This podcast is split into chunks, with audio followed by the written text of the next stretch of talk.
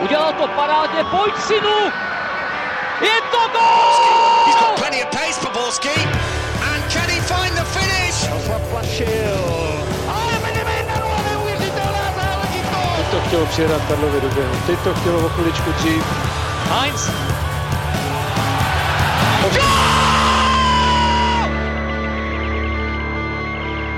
Dobrý den, vítejte u nového Fotbal Focus podcastu. Slávy se nepovedlo udržet krok z Plzní a v Liberci se jí titul vzdálil pět kol před koncem už na sedm bodů.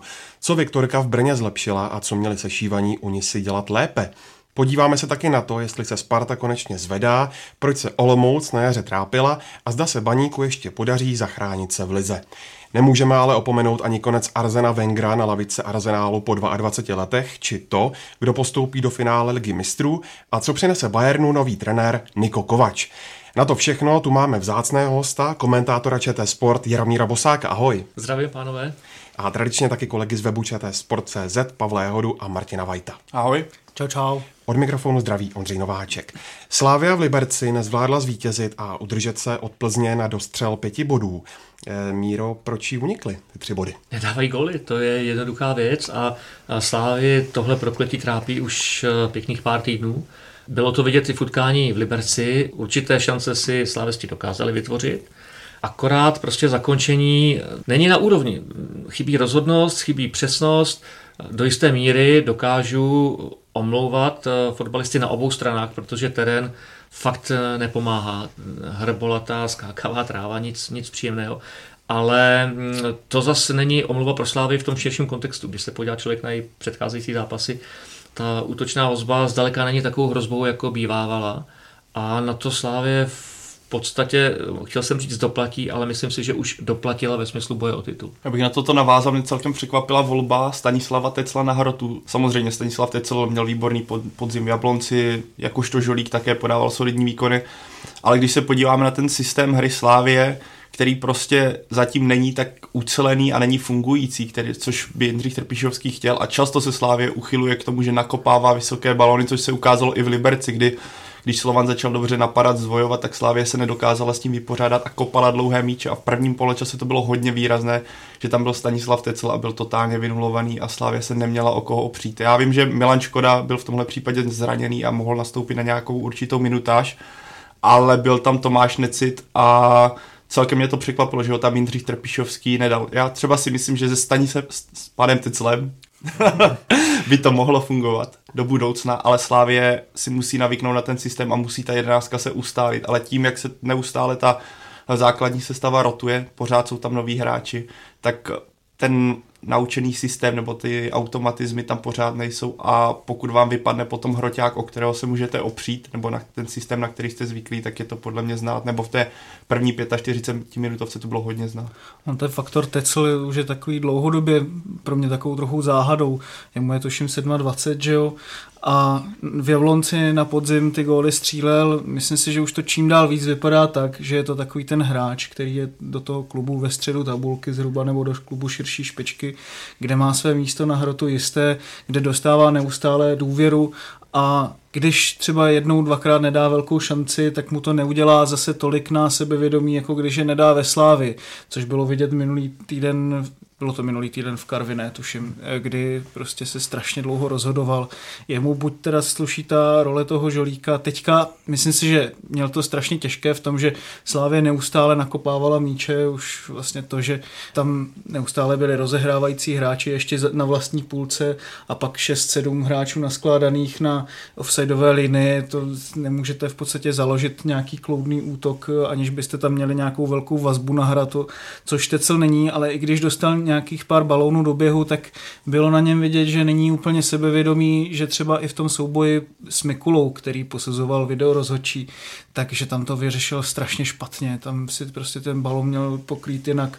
Mikula ho stačil zakřižovat, měl tam spoustu času a, a mohl jít jeden na jednoho, což, což se mu prostě nepodařilo. Já jsem se na něho těšil, protože jsem doufal, že dostane víc prostoru na jaře, ale musím říct, že i s tím, jak to měl těžký, tak eh, tam měl situace, kde, kde mě zklamal. Já k tomu ale eh, řeknu jenom dvě, dvě poznámky. To, že Stanislav Tesla šel do základu, je pro mě naprosto pochopitelná věc, protože zatím eh, Slávy hodně pomáhá a má vlastně velice slušnou fazonu na poměry klubu, výborně pracuje v tréninku a logicky se postavil na pozici útočníka číslo 2. Takže si myslím, že i z psychologického hlediska bylo od Jindřicha Trpišovského dobře, že hrál.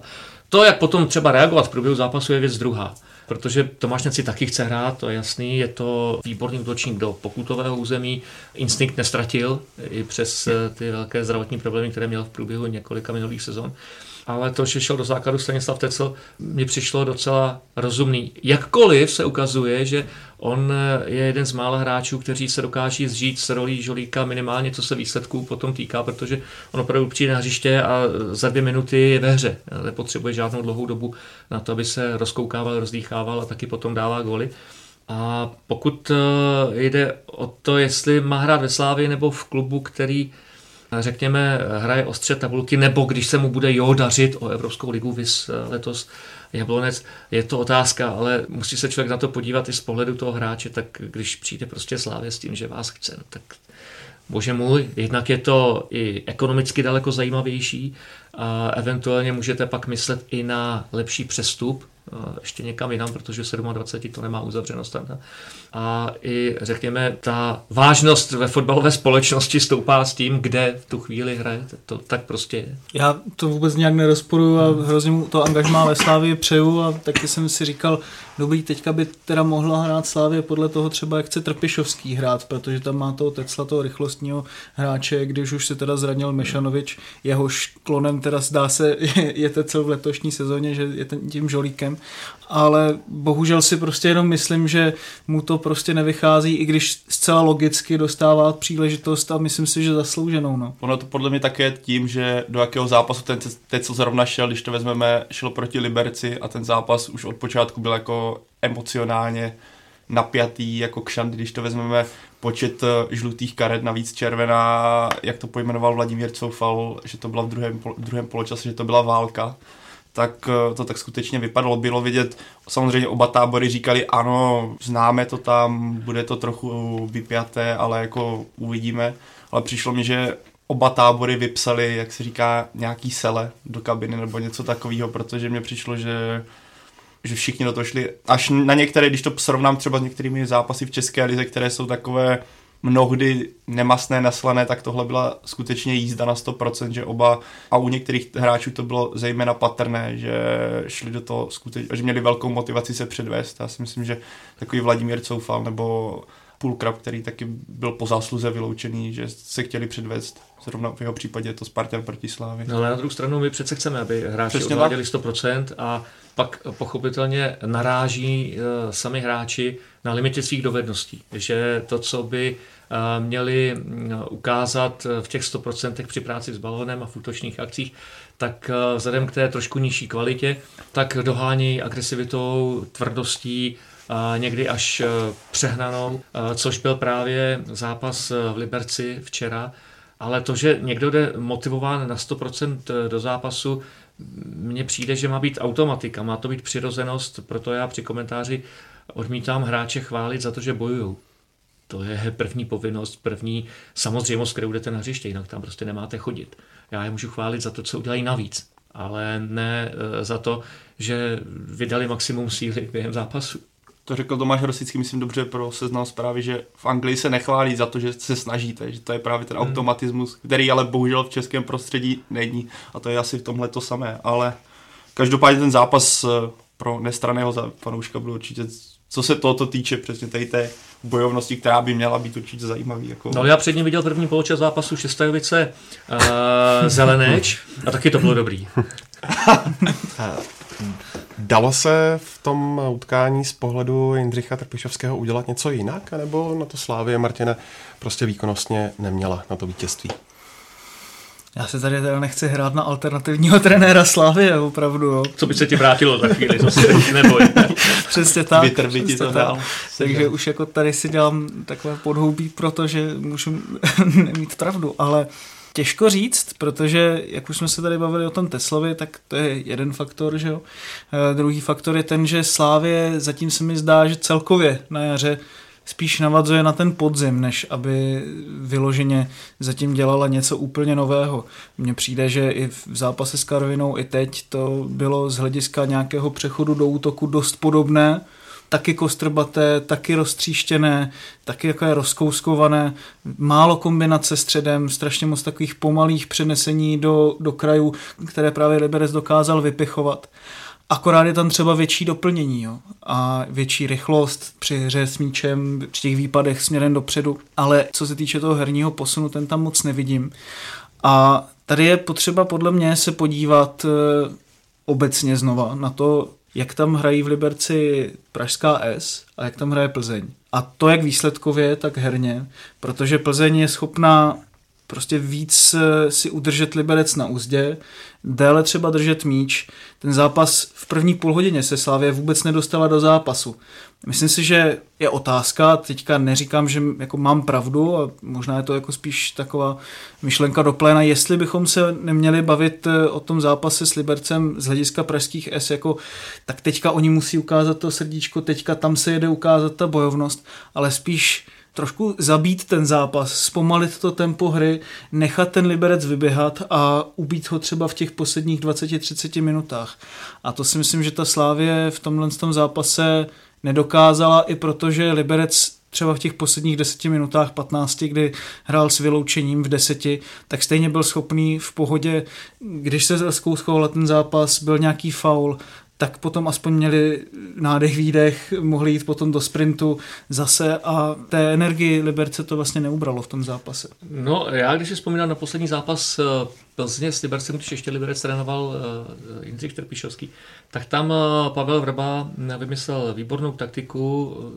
Liberec chtěl hrát vysoký pressing, hodně vysoko hrála i defenzíva pár přesných balónů za obranu a bylo to 3-0. Tam prostě bylo celkem jasně vidět, jak, jak se dá hrát na Liberec, který hraje pořád velmi podobně. David Holoubek eh, do jisté míry pokračuje v tom, co Jindřich Trpišovský v Liberci mm, eh, začal a dlouho se snažil hrát se svým týmem.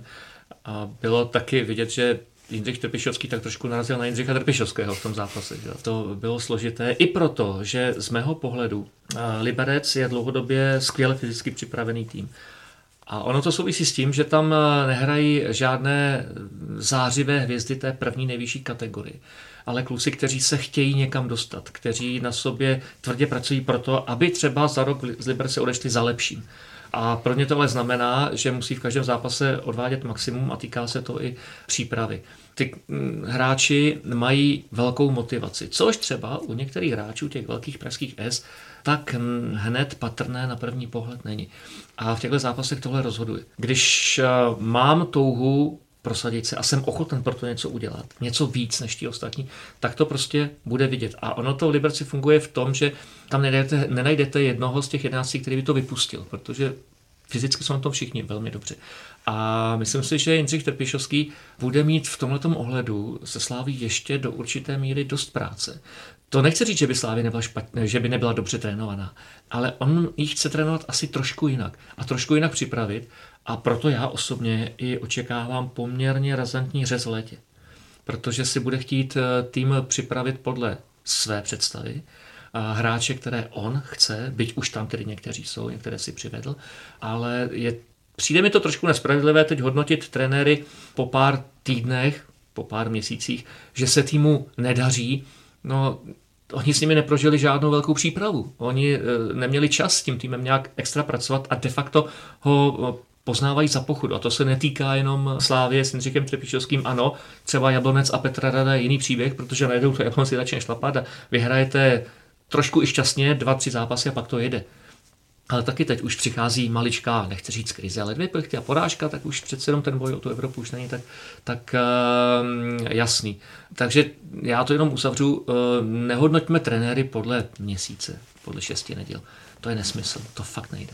Jak moc velký problém je teďka pro Jindřicha Trpišovského to, že má vykartované uh, asi tři, čtyři hráče a tou sestavou bude muset opět rotovat. Ona je to taková tradice už trochu pro Slávy zatím v jarní části sezóny, když se na to podíváme. Myslím, že nejsem si úplně 100% jistý, takže pokud řeknu hloupost, tak se omlouvám, ale myslím, že do posud neměli snad, nebyla jedenáctka totožná ve dvou kolech po sobě, takže Je to samozřejmě velká nepříjemnost, protože už tam nějaké ty spojení nebo nějaké třeba střed hřiště se snaží hrát pospolu, ale že by to bylo pro Jindřicha Trpišovského v jarní části Slávě něco nového, to, to úplně ne. Já si... A ten problém ještě vyhrocnější, protože ano, stopky za žluté karty, ale teď k tomu je potřeba přičíst minimálně čtyři eh, zraněné, najednou sedm lidí, kteří by mohli hrát základu fuč. Tohle není fakt jednoduchá úloha. Na druhou stranu vlastně dělá se to ve velkoklubech v Evropě a nemyslím si, že to teďka Slávě dělala na schvál, ale teďka je čeká Slovácko doma, tuším, a pak vlastně Plzeň. A kdyby se vykartovali doma proti Slovácku, tak to bude mnohem větší problém než, než teďka. Když a v tom zápase Liberci to nešlo dělat na schvál, podle mě. Já, já, já si teda myslím, že tam nikdo nepřemýšlel nad tím, že by se hrálo s kýmkoliv jiným. Ale zároveň je tady vidět eh, věc, která je pro Slávy vlastně nepříjemná, protože počet žlutých karet za sezonu je vysoký, velmi vysoký, na to, že jde o druhý tým tabulky, který by měl soupeře přehrávat a naopak nutit soupeře k faulům a k tomu, aby zastavoval valící se útoky Slávy. Ono to tak není.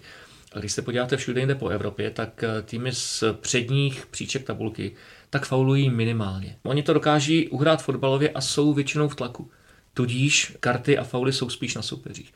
A to je další problém eh, Slávy, že nedokáže vnutit asi soupeřům v daný moment eh, svůj způsob hry a nechci říct, že to je tak úplně na náhodu, ale čeká se, jak to tam nějak spadne a pak to nějak dokopeme. A to.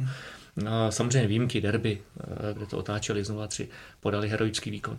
Ale to je fakt vlastně výjimka v průběhu letošního ročníku ligy. Když se člověk vzpomene na Zlín a vzpomene si teď na Liberec, tak je vidět, že s tím přinutit soupeře, aby hrál podle mých not, to vlastně funguje. Ten klub je celkově pořád tak na půl cesty vlastně teďka na, na tom jaře. Ještě se vrátím k tomu, co jsi říkal před chvílí, Míro. U koho byste čekali, že by mohl ze Slávie v létě odejít a kdo by mohl naopak přijít? Eh, já si myslím, že ono je to z pohledu komentátora eh, nesmysl tady radit a říkat eh, konkrétní jména, protože zítra ten Fred dá tři góly a člověk bude namydlený. A, ale myslím si, že určitě potřebují minimálně jednoho středového hráče, a to takže středového hráče s perspektivou, ne 35 letého ale spíš dva si myslím. Stejně tak bude velký boj o kvalitního útočníka, kterých v české lize moc není, takže je otázka, kdo užene Teteha, o kterého bude asi největší zájem, pokud se budeme bavit o české lize, ale myslím si, že kluby jako Sláva Sparta stejně budou koukat i do zahraničí. Nevím, jak Plzeň, jestli zůstane na tom slovenském teritoriu a českém, ale, ale Slávia Sparta určitě budou koukat i za hranice. Vyřešeno mají na golmanském postu, tam je to úplně v klidu, mají dva výborné golmany.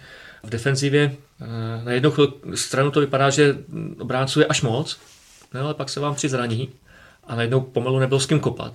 Tak nevím, jestli ještě někoho z beků nebudou, nebudou se snažit přitáhnout, protože určitě jsou zajímavé hráčské typy, ať je to Jemelka, ať je to Liška, eh, to jsou kluci, kteří by do budoucna mohli kopat ve větších klubech. A zároveň eh, si tak eh, říkám, Bůh ví, jestli v příští sezóně budu hrát za Slávy ještě Delian Gade.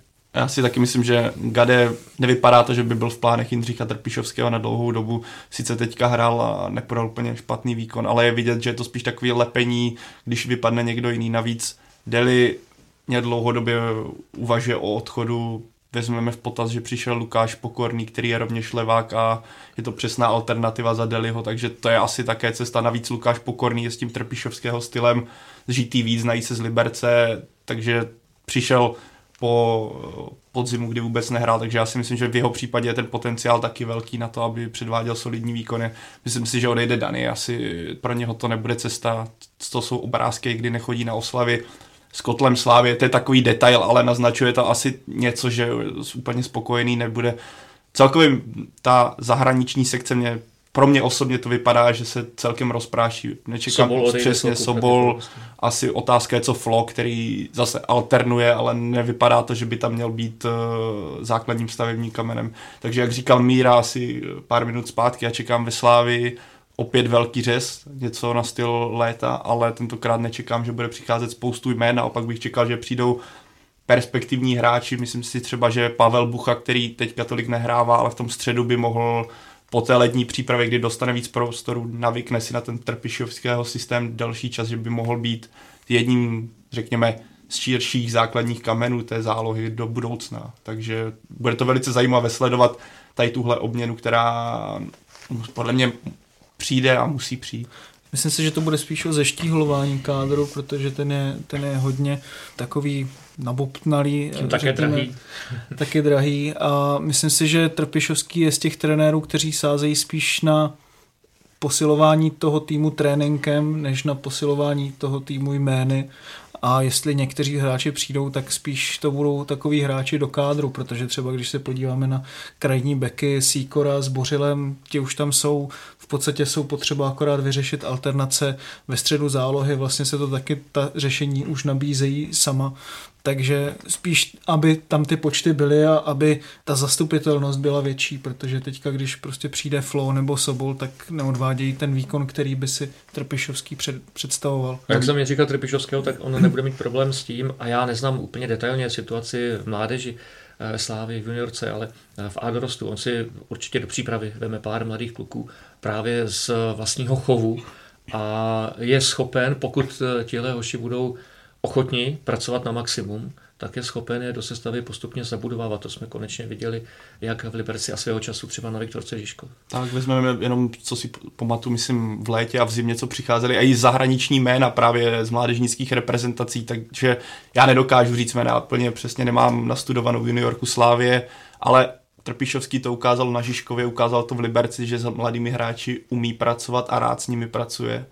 Takže tohle by byla taky určitě cesta, která Myslím si, že i Slávě by se měla vydat na, na úkor nějakých nákupů ale Altin Top Dany a podobně, když samozřejmě je skvělé, když vidíte takové hráče, ale musí teda přijít skutečně ve, v ideální formě. Ne, no, ale... skvěle, když je vidíte na lavici no, na tribuně, že jo? Protože, musí ale přijít uh, trošku... Já když jsem potom sledoval Altin Topa, který odešel do Kaiserslauternu a tam taky nastupoval zdaleka ne v základní sestavě a zdaleka ne vždycky. A to hrají o sestup z druhé ligy No, tak je vidět, že teda ten, kdo Altintopa přived, no, tak... potěž pámbu teda. To bych se s ním eh, jako eh, majitel klubu nebo jeho uh, statutární šéf skutečně pobavil, jak je to možné, že jste mi sem dali tohleto frajera.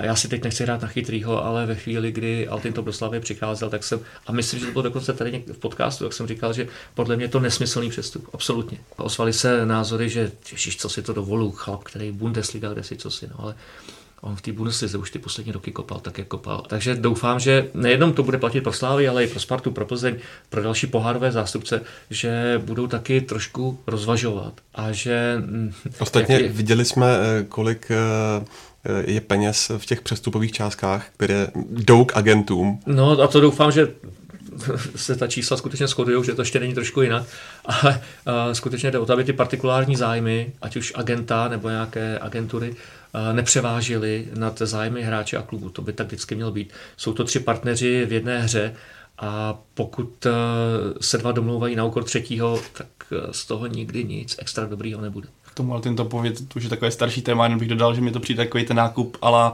pošlu video na YouTube s nejlepšími kopy a řekněme OK, to Altinto udělá nám marketing, udělá nám jméno. A to, to, tehdy asi mi to přijde, mě by celkem zajímalo, kdo to tehdy inicioval tenhle nákup, hmm. ale to se asi už nedozvíme, nebo pravděpodobně ne.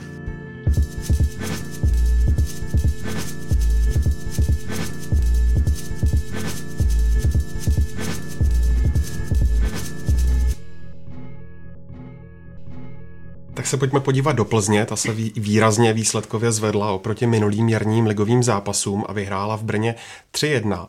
Pavle, v čem se zlepšila výkonnostně? Tak já bych nepopsal ten zápas nějak, že by Plzeň dominovala v Brně, i když bych to vzal úplně z druhé strany. Tam se ukázalo, jak na tom Brno v současnosti je, ať už se týče útočné nebo obrané fáze.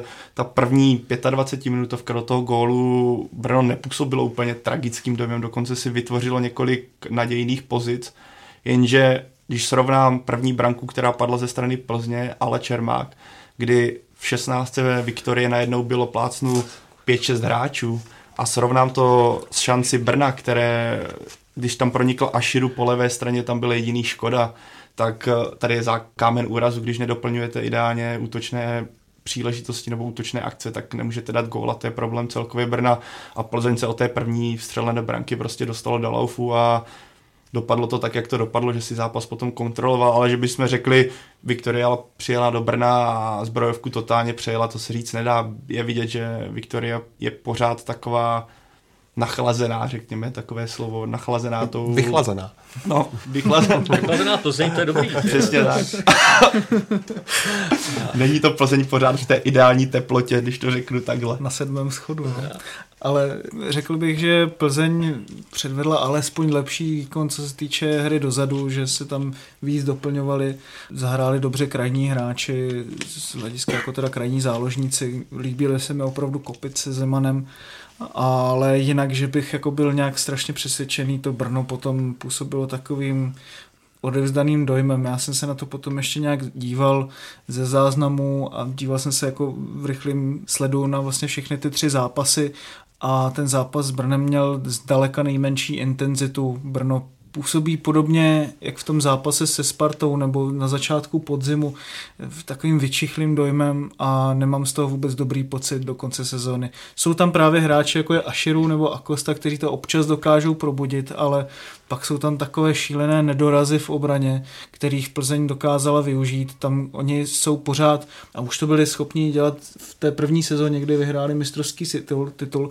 ono se na to pořád zapomíná ale tam neustále byli schopni sbírat odražené míče třemi rychlými, já nevím, hlavičkami nebo nějakými dalšími nákopy se dokážou dostat do skvělé střelecké pozice a pak to tam někdo šoupne do brány, takže tímhle s tím způsobem si v podstatě Plzeň zajistila tři body, ale že by to byl nějaký světoborný výkon a že bych si zase jako taky navíc myslel, že teď už si to teda Plzeň bez problémů ohlídá jenom kvůli tomu, že hraje najednou jako nějak líp, tak to teda opravdu si nemyslím. No, Plzeň si to pohlídá, protože teď už má dostatečný naskok a kolik málo dokonce. Jo. A, takže dokonce ani porážka v dolu se Slávy ještě není vlastně kritická, protože pořád tam bude poměrně značný rozdíl. Ale když se vrátím k zápasu v Brně, tak uh, ono symptomatické pro uh, to, jak na tom Plzeň v současné době je, bylo i to, jaké padly góly. To nebyly vypracované akce, že by přehráli soupeře. Jeden gól jako druhý, po chybách defenzívy, odraženém balonu, ty si o tom mluvil, vždycky u to byl Čermák a to já teda nechci spochybňovat, to, že dal tři góly takhle, protože to tam prostě musíte být na tom místě, musíte vědět, jak se hra bude vyvíjet, musíte mít trošku kliku a Čermák tam prostě třikrát byl a, a třikrát dával de facto do prázdné. Ale že by Plzeň rozebrala Brno uh, nějakou kombinační akcí a vytvořila si šest uh, gólovek a 300 solový nájezdy po dobrých přihrávkách, to jsem teda neviděl. Ale najít, do jisté míry chápu rozpoložení plzeňského týmu, protože na tom nebyli dobře. Trošku se vytratila sebedůvěra, takové to z před dvou, třech let, kdy člověk jel do Plzně jako hráč jakéhokoliv ligového klubu a věděl, že tam prostě přejedou. A to tam prostě není, najednou to nevyzařuje. A Brno to nedokázalo využít, protože Brno je samo pod čarou ponoru, ale myslím tím i psychicky. Hmm. Oni opravdu si nevěří na tom hřišti a nemají se vlastně o koho opřít. Mluvil si Aširu a Kosta. No jo, ale dvě, tři akce za, za zápas, pff, co to je? Tyhle ti borci, kteří, když už to s Brnem eh, třeba nedopadne dobře, tak by měli hrát o to, že si je někdo vytáhne, aby dál hráli ligu. Tak bych jezdil prostě jako myš na klíček, a, a, aby, aby eh, si všichni manažeři a trenéři další klubů řekli, hele, ten člověk je zajímavý, protože se snaží něco udělat. A na jednu stranu se taky mluví o tom, že Brno má zajímavý mladý kluky jako Zykl a další, Jednak s mladýma klukama ligu nezachráníte s velkou pravděpodobností, to se dá dost důvodně předpokládat, ale zdá se mi, že Brno už několik let není nějak extra atraktivní adresa, abyste mohli přitáhnout další opravdu klíčové hráče. Jestli je to tím, že v klubu není dostatek peněz, abyste mohli zaplatit uh, ty opravdu kvalitní hráče, nebo je to filozofie uh, postavená na tom, že teď už budeme žít z mladých, které postupně prodáme a tím třeba zase zlepšíme tu ekonomickou stránku věci, nevím, to je opravdu čirá spekulace, ale já prostě v současné době vidím Brno jako tým bez chutí a bez zápachu. Prostě ta, tam, tam není nic, co by upoutalo.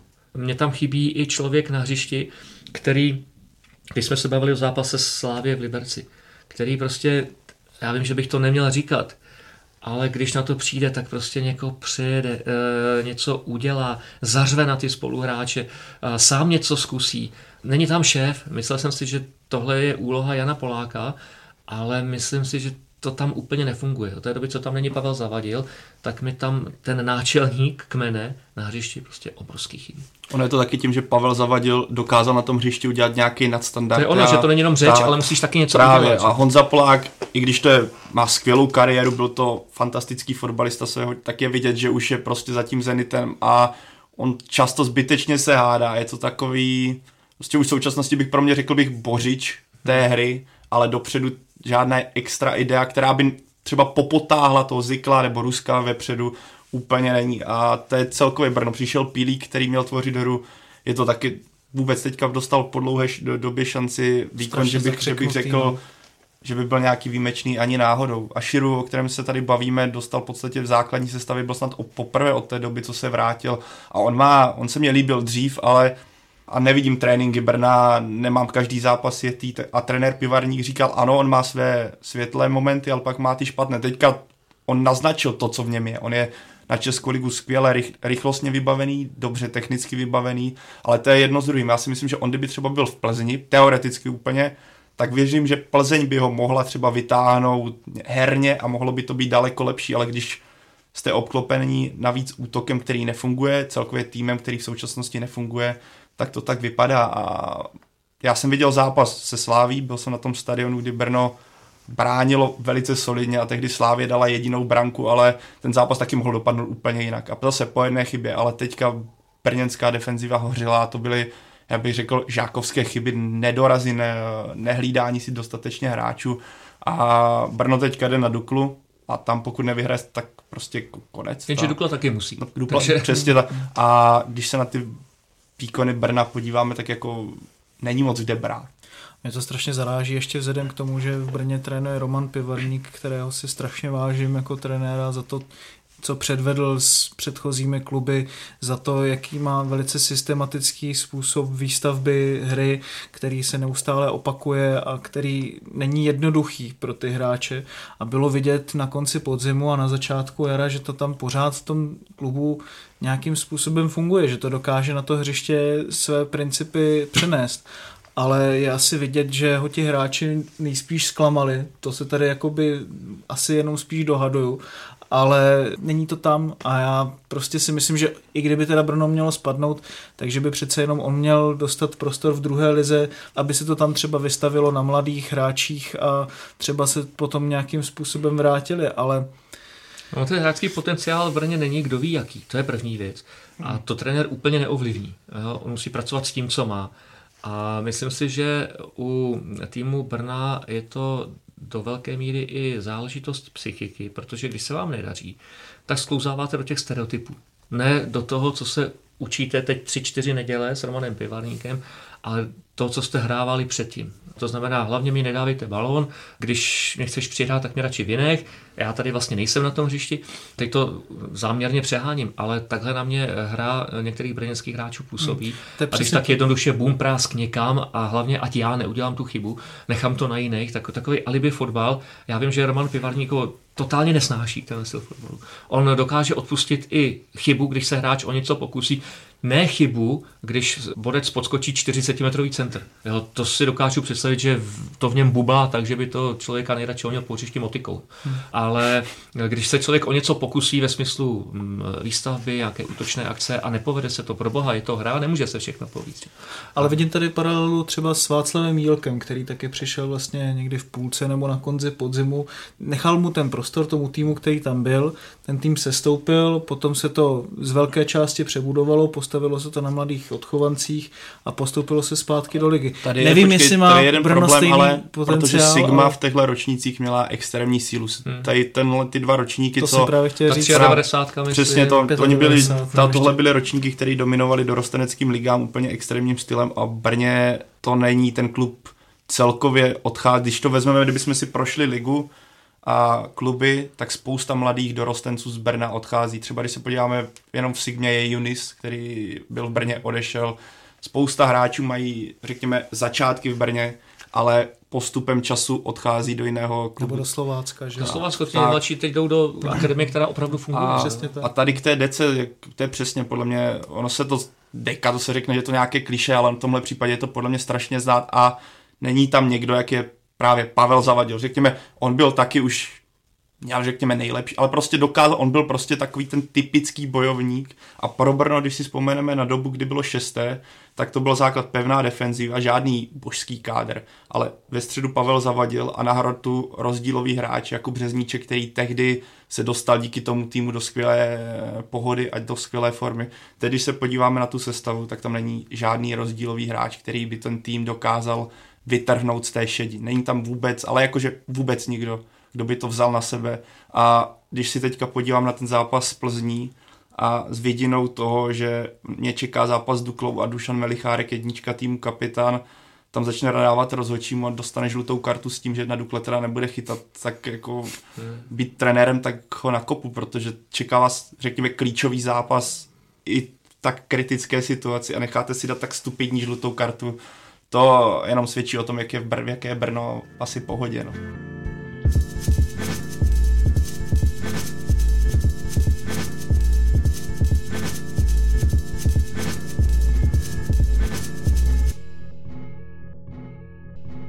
Už tady padlo jméno Sigma, ta poskočila po vítězství v derby s Baníkem na třetí místo, vyhrála 1-0 a o tom, jaká je momentálně situace na severu Moravy a ve Slesku, jsme mluvili s redaktorem Olomouckého deníku Michalem Kvasnicou. Ahoj Michale, Sigma je pořád v bitvě o Evropskou ligu a dokonce ani boj o ligu mistrů ještě nevypadá úplně ztraceně. Přitom jaro se Olomouci zdaleka tolik nevyvedlo jako na podzim. Čím to je, že se tým Václava Jílka tak trápil? Ahoj všem, musím říct, že jsem nad tím posledním době hodně přemýšlel a ne, nevím, jestli jsem ten, kdo by to měl hodnotit, protože trenéři Sigmy nesouhlasili s tím, co jsem napsal, ale pokusím se to vysvětlit. Jednoznačně si myslím, že přišel nějaký sportovní výkyv formy, na co ti kluci mají absolutní právo, přece jenom hrali ještě lodní druhou ligu a hmm. Teď, když se nedaří třeba produktivním křídlům, na podzim to táhli Falta se zahradníčkem, mají menší útlum, tak eh, jako není se čemu divit. Stejně tak eh, třeba David Houska, byť si myslím, že ten si tu lačku drží vysoko, tak podle mě už ho všichni znají, nedávají mu ani centimetr hřiště zadarmo, má to těžké. Dalším faktorem, byť jsem si myslel, že odchod chorého nebude až takovou ztrátou, tak hlavně herně si myslím, že Řezníček ho zatím vůbec nenahradil. Sice mu tam spadly nějaké góly, zakončení on má asi lepší, nicméně ta hra pod tím chorým byla, měla větší spát, byl, udržel víc těch balónů, bylo to rychlo, rychle do kolma a to si myslím, že zatím se Signě moc nedaří. Spíš ho paradoxně nahrazuje Plšek. Spíš ho nahrazuje Plšek, je, je to takový usměvný, protože taky na začátku jara se potýkal s horší formou, chvilku vypadl ze sestavy, sám přiznal, že se musel nad sebou trochu zamyslet, asi se to povedlo, góly dává, nicméně on ten Plšek taky není žádný sprinter, ale když před sebou má řezníčka, který působí trošku těžkopádnějším dojmem, tak jasný, že to nebude vepředu tak aktivní, hmm. jak to bylo třeba na podzim. Eh, jak myslíš, že Koučílek mohl lépe přizpůsobit taktiku Olomouce pro Jaro a eh, co se mu nabízí, aby ještě zkusil třeba změnit?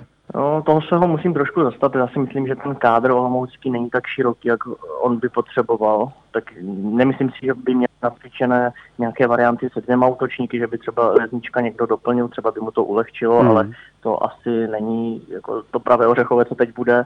Stejně tak eh, hru třeba na, na tři stopery, 3-5-2, nic takového nemají. Takže já si myslím, že prostě bude akorát spolehat na to, že ty kluci se, se, se chytí, že, že teď vybojovali důležitý derby, přece jenom jsou třetí, takže si myslím, že, že jako nějaký zásadní změny tam nebudou. Kteří hráči už podle tebe v kádru Olomouce příští sezónu nebudou a věříš klubovému vedení, že dokáže taky najít adekvátní náhrady? To je těžká otázka. Já si myslím, že bude hodně záležet na tom, jestli se tady ta Evropa vykope a jaká forma, když tak. Pokud by se zadařilo, štěstě napřála a šli by třeba kluci rovnou do Evropské ligy, do základní skupiny, jako Rolní Zlín, tak já si myslím, že ani oni sami by, by o to nechtěli přijít a že by ani nežádali nějaký přestup. Nicméně můžou vypadnout v předkolech a v tu hmm. chvíli si myslím, že by se to řešilo. Hodně klubů, nejen z Česka se vyptává, hodně žádaný je levi, levonohý stoper je Melka. Tošek, byť teda, jak jsem říkal, není z nejrychlejších, tak je to hráč, který prostě ty góly dávat umí. Stejně tak potenciál Šimona Falty, rychlý levák. Myslím, že kdyby třeba hrál v nějakém jiném týmu, tak by mu to taky prospělo, okysličil by. Ale na tu otázku, jestli odejdou, tak fakt si myslím, že se bude záležet na tom, kam se kvalifikují. Jasně. Eh, pojďme se podívat taky do Ostravy. To její vzedmutí je pod trenérem Páníkem citelné. Jak se mu povedlo stmelit tým a co jsou teď jeho přednosti a hlavní herní rysy? Myslím, že toho nezačal dělat nějakou vědu. Sází na jednoduchost, na maximální agresivitu, důraz. To, to co je zdobilo na začátku ve Zlíně, čím někdo to nemá rád, někdo to nazývá jako překopávaný fotbal, ale oni jim jasný, že v současné situaci oni nemůžou se s někým rovnat, třeba se Sigmou herně. Takže myslím, že zjednodušili to. Barošovi pomohlo, že se vedle něho opět pozna, postavil Poznár. Víme, jaký je Baroš sám na hrotu nebo s někým dvoumetrovým, nemusím připomínat, že jo. A eh, hlavně organizace vzadu si myslím, že šla na, na vysokou úroveň. Páník dal do sestavy Martina Šindeláře, což je bojovník přesně tady tyhle typy utkání, zná boj o záchranu ze Sigmy a vedle, vedle zkušeného Václava Procházky obrovsky vyrostl. Stejně tak ukotvil v sestavě Slováka Hlinku, který to čistí před něma. A myslím, že teď tak nějak si ta sestava prostě sedla. A ti beci Fleischmann s Pazderou nedělají takové ty chyby, nebo to, to, takový ten chaos se mi nezdá, že, že by tam teď byl. Když jsme u procházky, ten asi teď dostal poměrně za uši, za tu červenou kartu.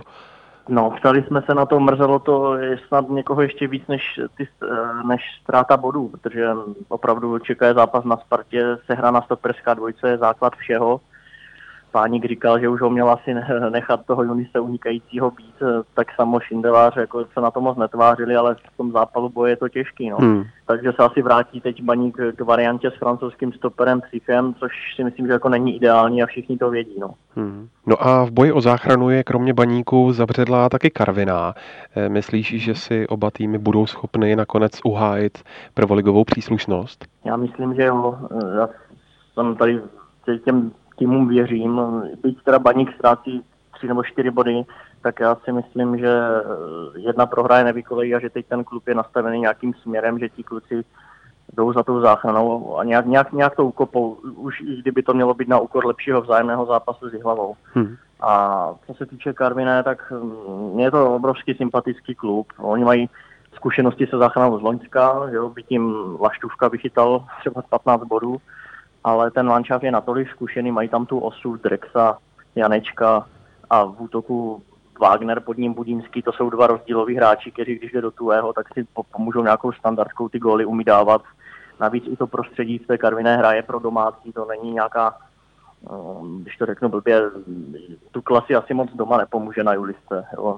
Přece jenom to prostředí v té Karviné tam je takový pro ty hosty specifický, takže si myslím, že, že ti kluci, ta Karviná to nějak bojuje. Tam má hodně zkušený manča, když to porovnám se Slováckem a podobně. No. Tak Michala, díky, ať se daří a budeme taky sledovat boj o záchranu. Taky díky za pozvání, mějte se. Sparta konečně nestratila vedení a konečně v sezóně porazila rozjetého a těžkého soupeře, když si poradila s Jabloncem 2-0. Pavle, znamená to, že se i její výkony zlepšují? Já bych to vzal prvně z té pozitivní stránky. Určitě, o čem jsme tady v podcastu bavili xkrát, o čem se to napsalo v novinách spousta, druhý poločas, tentokrát ze strany Sparty zvládnutý. Trenér Hapal udělal změnu rozestavení, postavil z nějaké, z jedné hry na útočník, nebo z hry na jednoho útočníka udělal hru na dva útočníky, postavil klasických 4-4-2 a druhý poločas ze strany Sparty byl zvládnutý, začala kontrolovat hru více, nebyla zase pasivní, jak v minulých zápasech, naopak snažila se pořád aktivně hrát a tom já vidím progres a obecně po trenérem Hapalem v porovnání s tím, tím, co bylo, je tam znát progres, za což Spartu samozřejmě potřeba pochválit. Jsou tam vidiny eh, nebo potenciál do budoucna, ale pořád pro mě, nebo respektive já se ten zápas si pouštěl až zpětně a četl jsem prvotně nějaké pozitivní ohlasy na to, jak to vypadalo, ale když jsem viděl tu první půlku, tak tam pro mě je pořád spoustu ale a spoustu zvýšených prstů, ať už to byla rozehrávka Sparty ze, ze zadu, kdy tam došlo ze, ke spoustě chyb a Jablonec díky tomu se dostával do kontru, pravá strana zahustel tam hořel jak Lestio v létě. A Kalifornii. Přesně tak. Když vezmu potom Kangu, který má spoustu kvalit, ale v tom prvním poločase mi přišel ten míč strašně předržoval.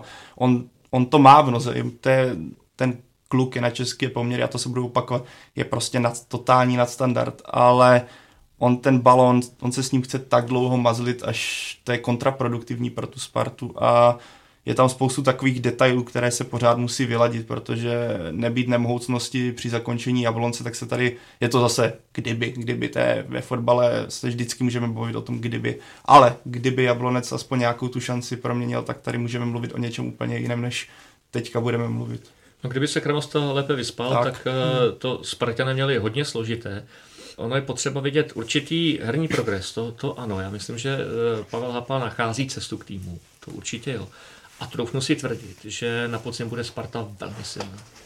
A možná, že se pletu, ale eh, fakt si myslím, že na tom bude hodně dobře. Už protože se začne z čistého stolu. Na druhou stranu je potřeba vyřešit spoustu věcí. Byla řeč o Kangovi. Ten kluk potenciál pochopitelně má. Mě uchvátil, když jsem komentoval zápas Sparty v Bělehradě. Bylo vidět, že to je prostě pan fotbalista. Zároveň ale má zápasy, kdy se mu ale fakt nechce, kdy je mu to jedno, jestli je na hřišti nebo není. A e, s tímhle e, samozřejmě nemůže být srozuměn Pavel Hapal, ale ani spoluhráči. Takže i na tomhle tomu bude třeba zapracovat a i na tom, že on, a říkám to z pohledu toho, kdo na to kouká ze zhora, mně přijde, že chce všem ukázat, já jsem tady šéf, co se týká hry na té Spartě, takže chci všechny balony, všechny šoupejte ke mně. A vlastně bere životní prostor na hřiště Stančovi, který se do hry dostává minimálně. A první poločas skoro vůbec eh, teď proti Jablonci. A za mě je to škoda, protože eh, tak, jak je Kanga, co se týká jeho možností opravdu na standard na Českou ligu, tak je to i Stanču. A tihle dva, kdyby dokázali kooperovat, tak si myslím, že pak teda eh, budou mít všechny české kluby veliký problém při utkání ze Spartu. Ale zatím každý hraje to svoje. Respektive Stanču toho moc se nahraje toho svého, protože nedostane balon od Kangy. A pak se ukáže při té standardce, že, že to je prostě kluk s fantastickou kopací technikou, kterého je potřeba využívat a zapojovat do hry daleko víc. Ale to si teď nehrou na chytrýho, tohle určitě Pavel Hapal taky ví a bude na tom pracovat. To, že i ve Spartě se asi trošku obmění kádr, i když po těch zkušenostech z posledních dvou přestupových období to asi taky ne, nebude nějaký masakr obrovský, ale určitě nějaké změny přijdou, to je, to je jasná věc. Já jsem zvědavý, jestli se v kádru udrží Kája, který teď odehrál solidní, eh, solidní zápas. Ale Sparta teď eh, nemůže myslet na to, co bude za, za 6 neděl při přípravném období, ale co bude za 14 dní, protože pořád se hraje o to třetí místo. Ani oni se nutně potřebují dostat eh, do poháru v dobré pozici. A protože uh, Sparta bez toho, že by hrála v Evropě, to je, to je katastrofa, že to nepadá do úvahy vůbec. A ona by to byla škoda i pro celý český fotbal, protože teď bez urážky uh, kohokoliv jiného, tak uh, jaké týmy zná Evropa z Čech? No, tak samozřejmě, že Sparta Slávě, Plzeň, ti by měli především reprezentovat v pohárech, měli by být natolik silní a doplňovat by je měli právě Liberec, Jablonec, Olomouc, ale vždycky by tam tahle silná trojka měla být. Otázka je samozřejmě, jak to, jak to letos dopadne, ale když se podívám potom už trošku za horizont, tak si myslím, že na podzim Sparta bude opravdu hodně, hodně dobrá, hodně silná to jako teda doufám v tom případě, aby byla silná, aby se pořád posouvala ku předu, na což si myslím, že má potenciál jednoznačně. Teď se konečně teda už poprvé v sezóně vlastně projevuje, že ten potenciál je vidět i teda na hřiště, jo? že přijde mi teda zvlášť, když se podíváme na plavšiče, tomu strašně pomohlo, že se ustálila sestava, pořád se hraje nějaký 4-4-2 nebo 4-1-4-1. Ale pořád to musí zase no, držet no, na zemi no, nohama, protože tak. pak tam začne vymýšlet nesmysly, když mu začne tleskat publikum a on zapomene, že mu za zády nabíhá frajer, protože ti nepublikují. Že? Tak... No, no, no, to, to on má teda tady t- taky tohle, ale zase je to furt mladý kluk a myslím si, že strašně pracovitý a pokud eh, zapracuje i na nějaké síle vlastně v horní polovině těla, tak eh, a nebude pořád padat, tak bude ten, pro ten tým platný třeba i v tom třetím souboji jeden na jednoho, což Sparta prostě potřebuje takovéhohle hráče, který bude pilovat line, který je ale taky schopný tvořit, eh, jít do prostřed. To je prostě moderní hráč, kterým nejsem si jistý, jestli je Kanga nebo Stanču. O tom právě jsou pochybnosti, že oni jsou spíš takový ty jako tradiční špilmachři, kteří mají hodně rádi ten čas a prostor a občas se v něm zaseknou. A to si myslím, že Plavšič tady tohle z toho dokáže Spartu vytrhnout stejně jako Šural a Kadlec, kteří myslím si, a teďka to bylo vidět hrozně dobře, pořád si odvedou to svoje, i když třeba nedají gól nebo nejsou tolik vidět, tak to strašně odmakají a to od takových hráčů, kteří ve své době šli do Sparty jako hvězdy, anebo měli být třeba svými kariérami úplně jinde, to chce taky hodně jakéhosi sebezapření a tohle to si myslím, že je velice přínosné. A i kvůli tomu si myslím, že se Spartě může dařit, protože tam nebude vpředu šest egoistů, ale v vozovkách jenom dva. No, ono by se Spartě hodilo, kdyby do každé řady měla Josefa Šurala, protože to je přesně ten typ, který eh, Spartu může někam posunout. Dříč, bojovník a navíc schopný fotbalista. Ale mm, letenští budou samozřejmě potřebovat někoho, kdo je schopný dát těch 16-18 gólů za sezonu. Což po eh, Davidu Lafatovi nikdo jiný schopný není prozatím a čas Davida Lafaty eh, pomaličku končí. Být nejlepším střelcem Sparty z 10-11, to je prostě málo. To, Pokud to, to někdo dokáže málo. nahradit ze zálohy. Respektive, když to takhle Plzeň... budou tři, čtyři takovýhle frajeři, jo, tak, tak, no. tak, to, tak to může být. Ale to zatím teda úplně nevypadá, i když pokud se Stanču rozstřílí, bude, bude pro Spartu dobře. Ale ono, vy tam potřebujete klasického roťáka, už jenom proto, že bude na sebe vázat dva stopery, udělá prostor pro uh, jiné hráče a to zatím Sparta v tuhle chvilku uh, tak trošku hledá. Je to možná tím, že Pavel Napal zkouší různé systémy, ono si to bude chvilku sedat. A zároveň, ono to trošku bylo vidět i v tom utkání eh, s Jabloncem 2-0 ano, ale dva góly po standardce a ten druhý ještě velmi, velmi problematický. Zase to nebyly góly potom, že by eh, Sparta nějak přehrála defenzívu Jablonce, že by ji rozebrala a vytvořila si 7-8 gólových šancí, jak to bývávalo na letné zvyky.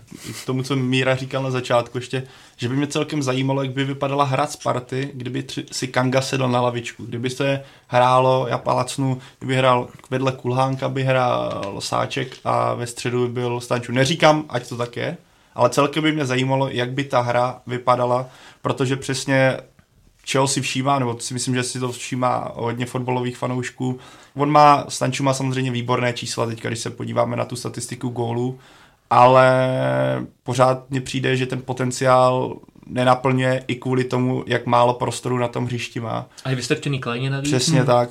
A mohlo by to vypadat třeba úplně stejně. Ta možnost tady je, ale stejně, ale myslím si, že by to právě, osobně si myslím, že by to vypadalo jinak, kdyby on měl víc prostoru a psal to ten do fotbal klubu, jak píše Karel Herring, kterého pozdravujeme. Rumunský novinář, teďka nevím to jméno, právě psal o tom, že když, Prošu, myslím, tak, když uh, Stanču diktuje naprosto tempo hry, je ten centrální mozek toho celku, tak dokáže být naprostý bůh. Ale když mu do téhle práce někdo zasahuje, tak dokáže být poloviční. A právě z tohoto, řekněme, vědeckého hlediska by mě zajímalo, jak by to vypadalo se Stančem právě uprostřed hřiště. Můj, věde, můj vědecký nápad je naprosto jednoduchý a typicky český a já být trenérem, tak vemu Kangu a, a Stančova a jde se do hospody. A samozřejmě v době, kdy se nehraje.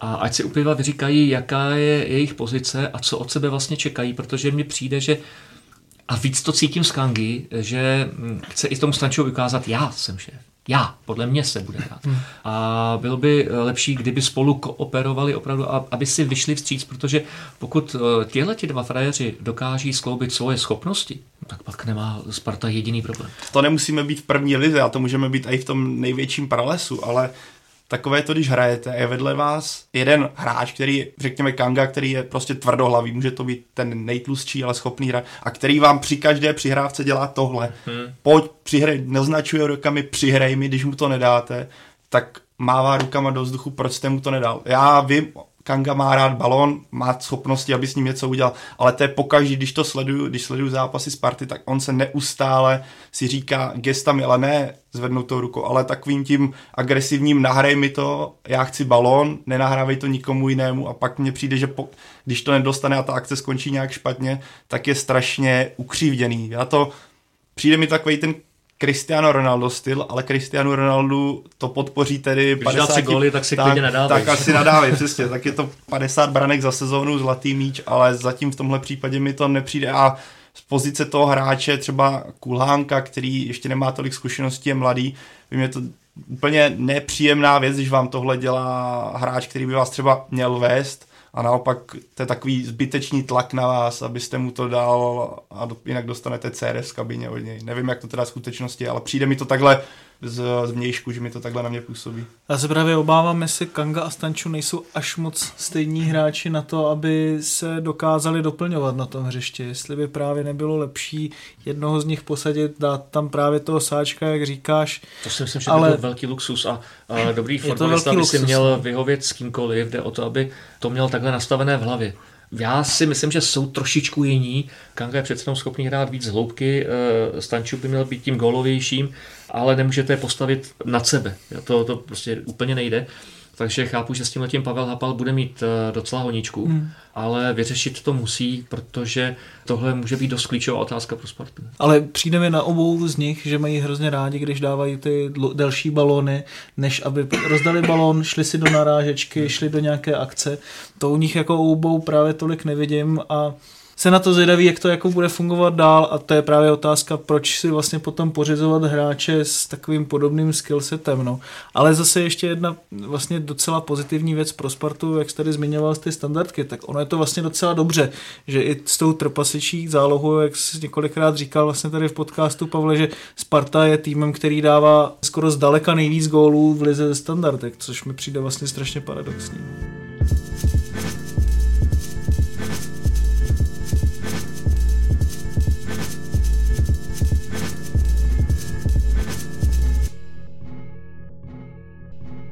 Tak se pojďme posunout eh, z Česka na ostrovy. O konci trenéra Arzena Vengra v Arzenálu jsme v pátek vysílali speciální fotbal Focus živě, který můžete najít na webu čtsport.cz i facebookové stránce ČT Sport.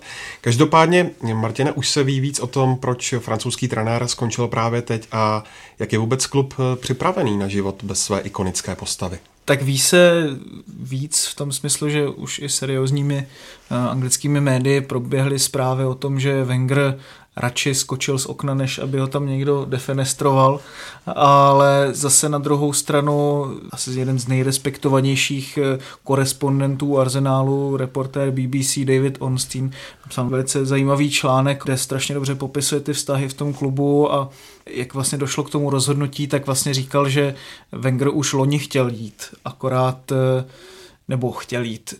Hodně se rozhodoval podobně jako letos a dlouho si nebyl jistý, jestli zůstat nebo ne, ale že ho nakonec k tomu přesvědčilo to, že vlastně neměl kdo vybrat nového trenéra, nebyly tam vlastně žádné to klubové podhoubí, které by nahradilo to, jakou on měl obrovskou a rozsáhlou funkci v tom klubu, což letos právě už tak je. A myslím si, že i z jeho vyjádření, která byla neuvěřitelně v podstatě skromná, bylo znát, že už sám cítil, že tomu klubu nejenom teda na hřišti, ale i klubu jako celkovému vlastně nepomáhá ta jeho přítomnost, že už on sám strašně ten klub rozděluje a nedokáže už těmi výkony na hřišti ho sjednotit tak, aby Arsenal patřil tam, kam vlastně patřit podle všech předpokladů má. Což chce teda taky samozřejmě na to, jak Wenger pořád působil jako tvrdohlavý člověk a trenér v posledních letech, tak to chce taky hodně eh, takové pokory. A co se týče toho, jestli je klub připravený eh, na to jít dál, já si myslím, že ano. Musím říct, že se na to vlastně docela těším. Konečně vlastně za tu dobu, co vlastně Arsenálu tak nějak fandím, tak ten klub jde do nějakého teritoria, kde ho ještě neznám a kde to není pořád to samé. A samozřejmě strašně bude záležet na tom, kdo bude trenérem. O to se taky budou odvíjet nějaká očekávání, ale věřím, že když klub vybere dobře, takže ten trenér si to tam dokáže nastavit tak, že ten arzenál opravdu půjde nahoru. Pro těch pohledů a úhlů pohledu je eh, opravdu velký počet. Majitel, majitelé budou naprosto spokojení s Arsenem Wengerem. Postavný nový stadion za pět let zaplacený, Wenger nebyl tím, kdo bouchal do stolu, eh, že chce ty nejdražší posily, protože vždy měl sám o sobě představu, že z mladých hráčů udělá skvělé fotbalisty, což se někdy povedlo, ale taky dost častokrát se to nepovedlo. To zase je potřeba taky říct. Ale z mého pohledu tak za 85% činnosti v Arsenalu bych Arsenu Wengerovi zatleskal. Těch 15% eh, se vztahuje především k těm posledním sezónám, já myslím, že došlo i k velkému opotřebování materiálu. Jo. My si to nedovedeme představit, jaký tlak v Anglii na trenéra Arsenalu, který je ve funkci 22 let působí. Já, když slyším české hráče a české trenéry o tom, jak je nepříjemný ten tlak českých médií a, a, jak je těžké se s tím srovnávat, tak já se vždycky směju, protože to je fakt mateřská školka oproti tomu, co se děje na ostrovech. Takže ono to na člověku musí zanechat nějaké stopy. Jednoznačně, když o sobě hlavně v poslední době furt čtete především negativní komentáře. A myslím, že Arsene Wenger už se taky vyjádřil ve smyslu, že nechce sledovat eh, z první řady každý týden svůj pohřeb eh, jako trenér Arsenalu. Myslím, že se mu ulevilo po tomhle rozhodnutí. Jakkoliv byl určitě přesvědčený, že má týmu co dát, on sám o sobě, byť to nemusí už se úplně shodovat s realitou, ale každý jsme nějaký, že? každý máme nějakou vizi a vidění sebe sama, tak eh, on by určitě ještě rád pokračoval, polovina jeho fotbalové duše. Ale ta druhá, realističtější, taky už se může trošku opřít o jistou únavu, o potřebování, o to, že psychika prostě, nevím, jak spí třeba Arsene Wenger, jo, docela by mě to zajímalo v posledních, posledních měsících. Prostě doba ho dostihla a už přece jenom Wenger taky není, co se trenéřiny týká 50-letý mladík, už, už toho má hodně za sebou. Tím nechci říct, že nebude trénovat. Já si dovedu představit, že za rok, za půl roku se s někým dohodne a půjde. Nemusí to být zrovna Anglie, necháme se překvapit. Myslím, že to jméno bude hodně zajímavé na trhu v létě ale ten čas skutečně už byl trošku předržený. Já si myslím, že měl nastat před dvěma, třema lety. A dneska by byl Arsenal někde jinde, protože by se rozběhly zaběhnuté staré vazby. A začalo by se jinak pracovat s kádrem. A netahalo by se tam mnoho v podstatě neznámých hráčů, často z Francie, kteří si zahrají jeden, dva zápasy a pak už je nikdy nikdo v Premier League nevidí. Pracovalo se, by se prostě trošku jiným, jiným způsobem. Ale to byla věc majitelů a jak říkám, ti jsou absolutně spokojení, protože pro ně jejich eh, cesta s Arsene Wenger byla naprosto úspěšná. Ale právě, že už na tom konci právě v těch posledních dvou, třech letech právě ti majitele na to, jak byli strašně spokojení, tak už spokojení být nemohli, protože No chyběla Champions League. Prostě chyběla Champions League, League lidi vlastně údajně v rekordním počtu odříkávali své permanentky, což taky samozřejmě prostě je obrovský problém pro klub jako Arsenal, který Proto má nejdražší vstupenky. Dva, tři takže... roky zpátky by to bylo opravdu ta pravá ta... chvíle, ale buďme, buďme soudní a korektní. Kdo z nás by to třeba dokázal no. odhadnout, že teď už bych měl jít. Ale ono teďka, na druhou stranu teďka skončil v ten správný moment. Kdybychom si řekli, takové to, že by dojel tu sezónu a v létě no, by no. oznámil, no. OK, tak by to bylo přesně, do konce sezóny by to bylo takové to zabíjení Vengra, Wenger out. Teďka on to oznámil v tenhle moment, takže zbytek sezóny budou naopak oslavy Vengra. Kdy a hned vyhráli, že? Přesně tak, kdy Emirates Stadium se vlastně posledních pár zápasů ani nebyl vyprodaný, byli tam vidět, ten kanon byl vidět, což bylo neuvěřitelné. Najednou si myslím, že o ty lístky bude naopak o to enormnější zájem, že budete chtít vidět poslední zápasy Arzena Vengra na lavičce Arsenálu takže on tomu klubu víceméně nakonec své služby dlouholeté udělal ještě takový dárek jim dal dodatečný v podobě nějakých... A hlavně to namotivuje na to atletiku teď, co oni hmm. potřebují vyhrát v tom semifinále Evropské ligy a potom je ve finále, aby se kvalifikovali teda do ligy mistrů. A už se taky ví, eh, kdo by mohl být Vengrovou náhradou, a nebo... Takhle koho... to nebude. tak pojď, počkáme na Udinese. Eh, každopádně buď náhradu, anebo koho vy sami byste rádi na tom místě viděli? To, já si myslím, že koho bychom rádi viděli, to odpoví Martin, to je takový arsenalistický expert, takže, ale tam v podstatě vpadlo podle mě skoro každé jméno, které je volné a které má trošku nějakou váhu ve světě fotbalu. Třeba Carlo Ancelotti, tak to si moc nedokážu představit, že by v skutečnosti přišel, ale kdo ví. Pak jsem v britských sáskovkách snad vede Brandon Rodgers ze Celticu, což mě teda dost překvapilo. Ale OK, pro mě by byla třeba cesta asi ideální někoho mladšího, progresivního, jako mluví se o Patriku Vierovi, Mikelu Artetovi, tedy Emery ko- bude volný. No, přes, no. Takže trenéři s nějakou s potenciálem, s nemoc velkou trenér, zejména ti dva bez nějaké výrazné trenérské zkušenosti, ale se zkušeností z Arsenalu, takže by úplně nešli do neproskoumané řeky. Uvidíme, já jsem na to sám zvědavý, jakou cestou se Arsenal vydá, ale musí to být podle mě volba nějaké dlouhodobé vize, ne nějaká krát, krátkodobá, krátkodobé řešení, případ, což by pro mě, podle mě byl Ancelotti, který by za pár let, nebo za pár let, myslím si, že za, no možná za, řekněme za pár let bude chtít s trenéřinou skončit, nebo si to bude někam do, dotrénovat do Číny, vydělat si na důchod, což teda má, ale tak na důchod svých vnoučet, ale uvidíme. Tak Ancelotti on je takový o 10 do 15 let mladší Wenger v tom hmm. stylu trénování, v tom přístupu k hráčům, takže věřím, že Arsenal bude chtít zkusit něco právě úplně jiného. Samozřejmě někoho, kdo už má ty zkušenosti, což teda bylo slyšet, že uvažovali o Artetovi, uvažovali i o Vieirovi, ale že by tam chtěli někoho, kdo už za sebou něco má. Samozřejmě každý klub by chtěl Ferrari, každý klub by chtěl Maxe Allegriho, kromě teda Paris Saint-Germain, což mě teda hmm. přijde zvláštní, ale nebo Bayernu, usiluje ho o ně teďka i Arsenal, údajně je to teda hlavní kandidát což se teda samozřejmě nemusí shodovat s tím, jestli Allegri tam opravdu bude chtít jít. Pak ta další jména jsou podle mě taky vlastně relativně logická. Luis Enrique v Barceloně dokázal, že je velice dobrý trenér a Leonardo Jardem, který teda upřímně řečeno mě by se možná nejvíc líbil, protože je strašně flexibilní kouč, hrozně náročný kouč. S Monakem dokázal s tím mladým kádrem vyhrát ligu, kde to bylo prakticky nemožné vyhrát ligu a dospět ještě do semifinále ligy mistrů. Jak vlastně defenzivní fotbal zvládá, tak zvládá přechod do útoku krásný, rychlý, tak zvládá přechod postupný, takže tam by se mi tohle jméno docela zamlouvalo, musím no, říct. tebe je samozřejmě jasný, že víš, kdo nebude, že Početýno, to je celkem jasná věc. Ale já teď eh, vyloženě eh, sáhnu eh, do říše fabulací a spekulací, ale za sebe řeknu, že by mě vůbec nepřekvapilo, kdyby se Arsenal pokoušel ze smlouvy vytáhnout Simeoneho. A teď je k tomu dostali příležitost si popovídat. Hmm. to je pravda, ale nevím, jestli si popovídají teda anglicky, protože on To oni najdou překladatel, to bych se nebál. Jo. údajně, údajně s tím má prý problémy a údajně i proto chce zůstat v tom prostředí, kde je to ale zase pro něho přirozenější. tom, že Atletico už je, že už je sit, už mm, to loni vypadalo, že, že skončí a myslím si, že on je člověk, který taky bude chtít zkusit novou výzvu, jo, že nebude na smrti trenérem Atletika Madrid. To, to nepadá do úvahy. Ale já jsem to teď eh, neřekl jako něco, co by už se někde objevilo. Jo. Ale mně to tak nějak do sebe zapadá a připadá, že minimálně, že to kluci z Arsenalu zkusí. Aspoň se poptají španělsky.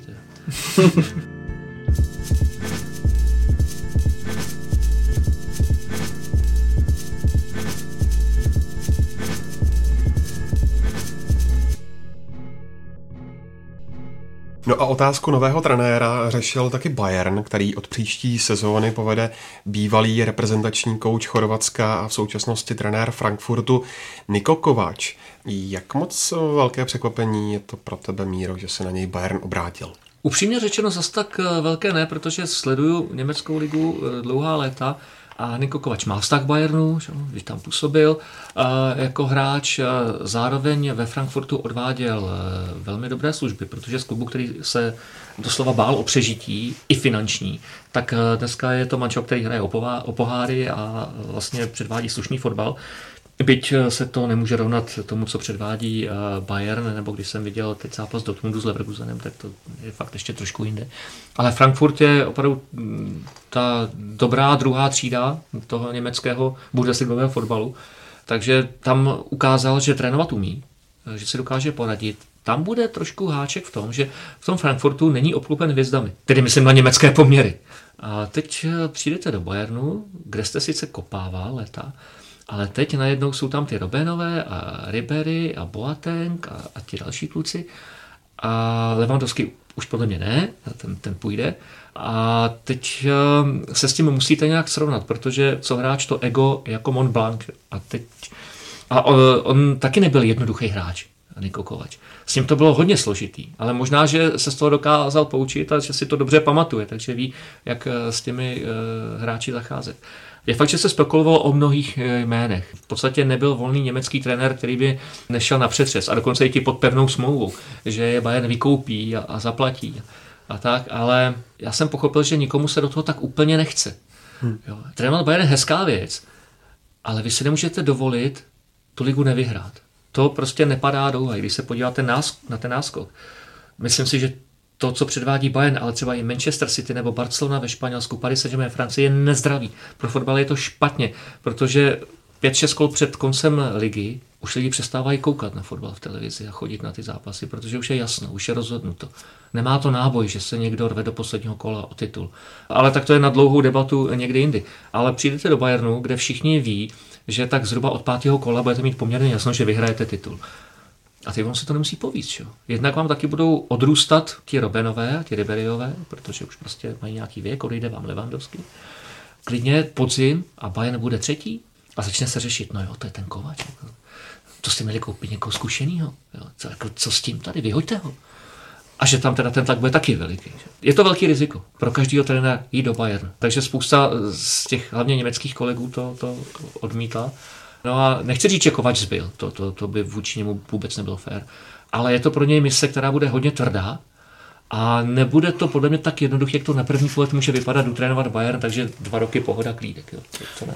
Navíc ještě s tím, že on byl v podstatě třetí volbou, že jo, když si to tak vezme. Minimálně. Myslím si, že byl ještě no, no, jako hlavní teda, kteří tam přišli na tři, přetřes, protože Bayern si teda dal za úkol za předsevzetí do roku 2018 najít jenom německého trenéra, hmm. nebo tak Niko Kovač je, dá se říct, poloviční Němec, protože hmm. vyrostl vlastně v Berlíně ale Tuchel šel do Paris Saint-Germain, Nagelsmann nejspíš jde do Dortmundu mm, spíš než do Bayernu. Mm, a to teda si myslím, že vypovídá hodně o tom, jaký vlastně ten trenér má úkol v Bayernu, protože to souvisí i s tím, co si vlastně vy s tím kádrem můžete z pozice trenéra dovolit. On ho vlastně nemůže teďka celý rozbít, protože těm hráčům je tam pořád 29, 30 a řeklo by se, no tak to je ideální věk. No, jenže, jenže přesně starší, tak, že? no. Jako máš tam vlastně Riberyho, Robena, kteří mají 34, 35 a pořád jsou vlastně v základní hmm. sestavě na ty největší zápasy.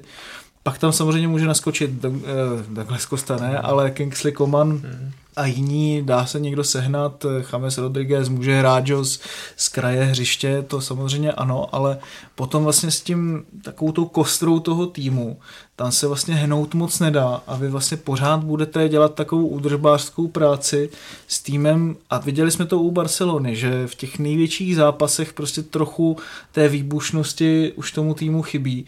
Nemáte stejnou výbušnost, nemáte stejný sprint, jako když vám 23 a ti hráči, jako je Miller, Alaba, eh, Hummels, Boateng, další, od 19-20 hrají na tomhle tom nejvyšším levelu.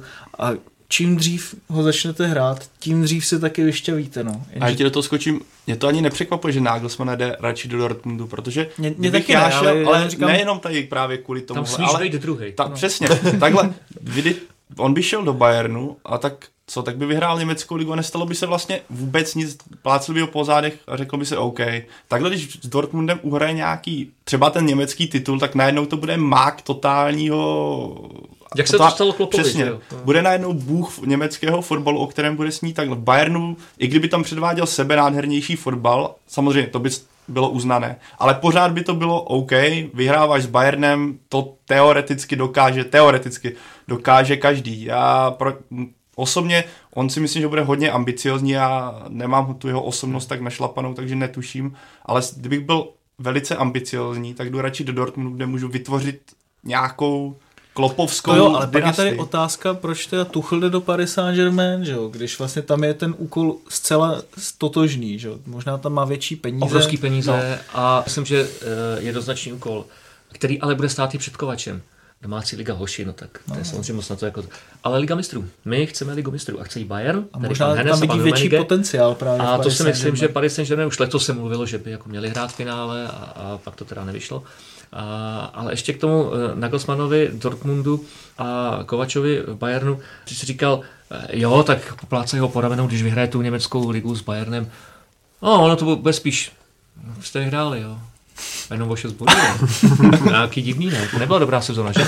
A když to ten uh, Dortmund skýtá každému, kdo tam přijde. To je jedno, jestli to byl Klopp a jestli to je teď Nagelsmann, Štegler se s tím trošku trápí, ale, ale uh, taky najednou uh, uh, využije ten potenciál neuvěřitelný základy mladých hráčů Dortmundu. Teď postavil proti Leverkusenu, Leverkusenu Sancha, první mistrák. Co ten s těma frérama dělal? Kluk, který v životě nekopal Bundesligu. Uh, myslím, že gol dal na, na dva nahrál, ještě mu dá čtyři další. Mladý, rychlej, takový druhý zané, trošku ještě střihnutý uh, Obameyangem. Neuvěřitelný fotbalista, jasně, první zápas a je to mladý kluk, takže ty výkyvy tam určitě přijdou. Ale neskutečný potenciál. A takových hráčů v tom Dortmundu, v těch mládežnických kategoriích je celá řada. A naopak Dortmundští šéfové chtějí, aby tyhle kluci přecházeli, protože pak to speněžíš jako Dembeleho, jako Obameyanga, to jsou obrovský peníze. A vlastně za nic. Jenom za to, že si z toho kluka vychová. A kdežto v tom Bayernu, to už tady padlo, musíš pracovat s těma hvězdami, které už tam teď jsou. A když tam přijde jeden mladý na zkušenou, tak je to skoro hodně. To v tom Dortmundu neplatí. Jo, teď tam mezi nejlepší hráče patří Vajdl, uh, Filip, to jsou prostě pořád strašně mladí kluci. Tam nemáš kromě Piščeka takovýhle veterány. A podle mě to je to, co láká na práci v Dortmundu, že ty ty kluky vlastně připravíš pro ten úplně největší fotbal a dáš je dohromady a máš tam vlastně jistotu, že pořád budou hrát o poháry. Jo, že ta Liga mistrů by měla být i pro ten Dortmund automatická i v těch budoucích letech, protože ta kvalita tam prostě je. On nejde do klubu na Gosman, který by hrál o desátý flek. Nepadá do úvahy.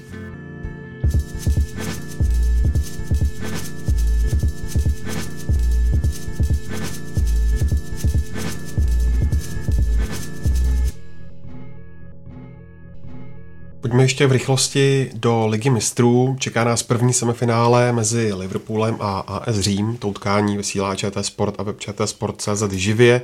Ty ho komentuješ, předpokládám. Mm. Ve finále tak bude jeden z týmů v úzovkách outsider, kudy vede Pavle cesta eh, Liverpoolu k úspěchu a bude v něčem jeho taktická příprava jiná než eh, v dalších zápasech. Já si myslím, že cesta Liverpoolu vede přes vlastní hru. Já si myslím, že Liverpool úplně nebude vymýšlet něco, něco nového, ale když se podíváme na AS Řím a Barcelona, kdy vyrukoval Di Francesco s totální anomálí, co se sestavy týče Barcelona se s tím nesrovnala.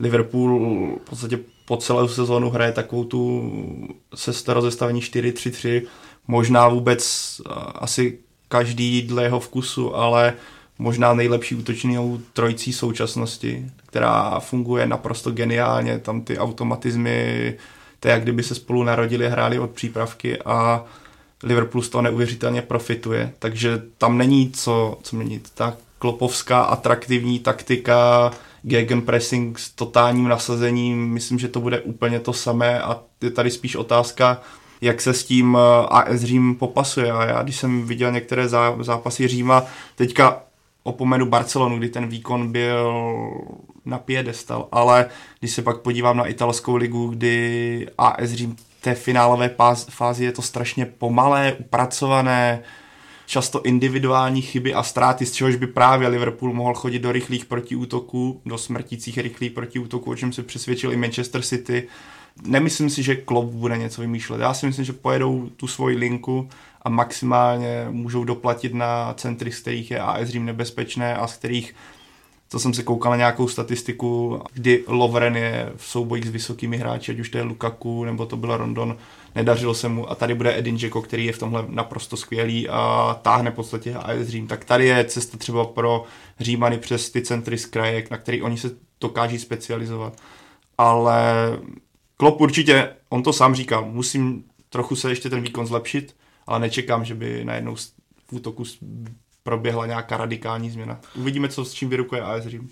Každopádně Řím právě v tom zápase bude mít o něco trochu více prostoru, pokud se teda dostane za, ten, za tu první vlnou toho presinku a dokáže právě podobně jako Plzeň třeba Liberci dostat ten míč za, za obranu, mladou obranu ještě ke všemu. To je taky zase důležitá věc podotknout, že Lovren, který byl dlouhá léta v Liverpoolu pro smích, Van Dijk, který za sebou nemá zase tak úplně boží podzim, teďka má výborné jaro a má velký potenciál samozřejmě, ale pak jsou tam mladěši, Alexander Arnold a Robertson, kteří předvádí velice, velice dobré zápasy a zvládají to, ale přece jenom pořád je to semifinále ligy mistrů, na které kolektivně ten tým, když se ho rozebereme hráč po hráči, nikdo z nich nikdy ještě nehrál takovýhle zápas. A jsem na to fakt zvědavý, protože samozřejmě s AS Řím taky není spousta hráčů, ale De Rossi to je hráč, který že byl ve finále mistrovství seta, eh, má za sebou finále Eura, prostě spoustu, spoustu jako velkých zkušeností. jsou tam hráči, kteří to prostě dokážou nějakým způsobem přenést na to hřiště a AS Řím teda samozřejmě nesmí hrát tak pasivně, jako hrál v Barceloně, to v podstatě bylo neustále jenom čekání na gól na vlastní polovině, žádný pressing, nic, ale zároveň nemůže hrát naivně, jakože si to bude dávat někde na polovině a teď tam prostě najednou to vypíchne Mané nebo Wijnaldum nebo někdo takový a, a Liverpool půjde do protiútoku.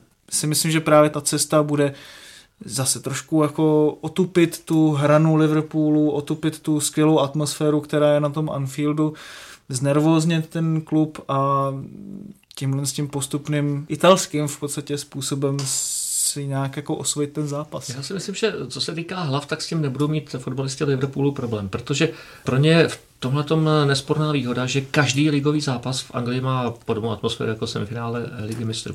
A zvlášť, když ti kluci už si osahali, že můžou hrát proti Manchesteru City, proti Chelsea, proti Tottenhamu a že dokáží tyhle týmy porážet tak tam bych neviděl eh, nějak zásadní problém, protože Anfield je stejně zase nabitý, opět se tam bude zpívat nebo Walk Alone, atmosféra prostě dokonalá.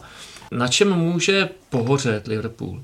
Tak to už tady tak trošku padlo, protože já když jsem viděl ten jejich víkendový zápas eh, v Birminghamu se Zbromem, eh, vedli 2-0, klídek pohoda cigárko a skončilo to 2-2 po dvou hrozných gólech, co se týká chování obrany a středu obrany, ne těch krajů.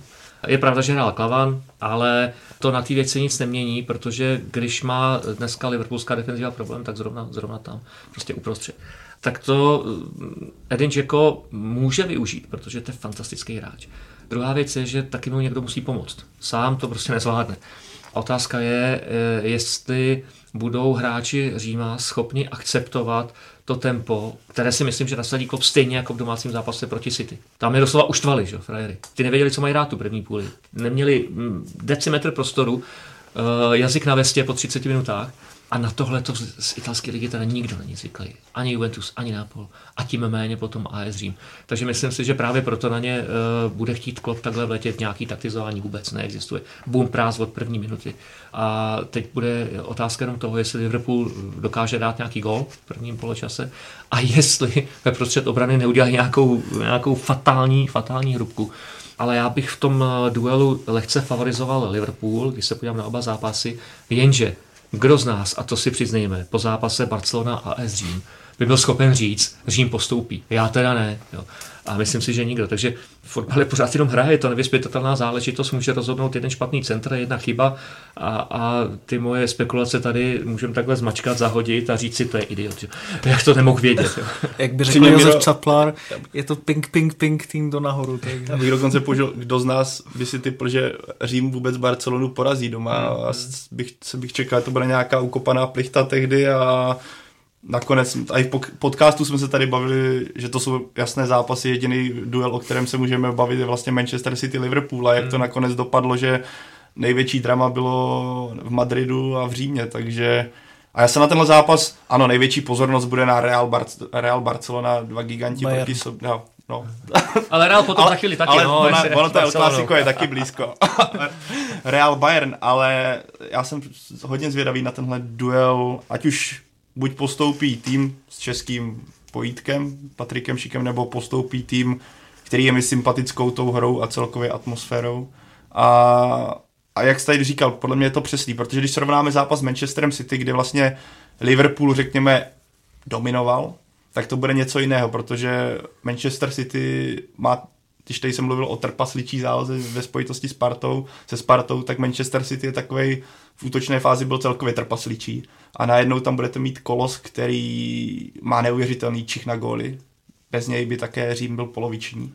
A jsem zvědavý, jak se s tím Liverpool v tomhle já bych to dokonce pojmenoval jako klíčovou, úplně klíčový faktor celého zápasu, jak se ta obrana s tím popasuje. Když to naprosto skvěle zvládnou a Van Dijk s Lovrenem si poberou, tak to bude jasná záležitost a Liverpool tím proletne jako nůž máslem. Jak za Lovrena, tak v desátý minutě trošku Jacka nakopne, aby bylo, aby bylo jasno.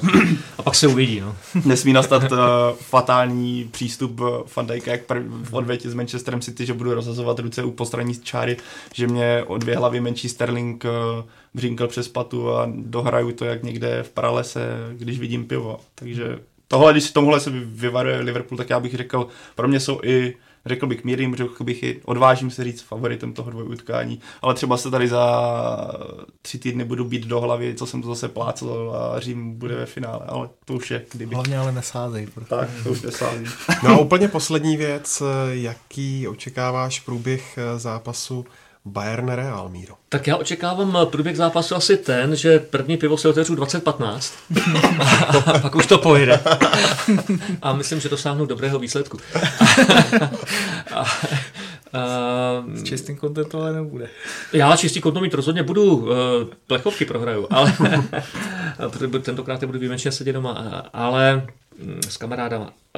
Pravda je, že tady hledat favorita na první pohled každý řekne Real. Jo. Ale já jsem viděl pár posledních zápasů Bayernu. Lehkou chůzí teda, opravdu lehkou chůzí. Tu pět, tu šest gólů. Ne jaký soupeři. Jo. Tu Dortmund, tu Mönchengladbach. Bayern je hodně nahoře, co se týká sebevědomí.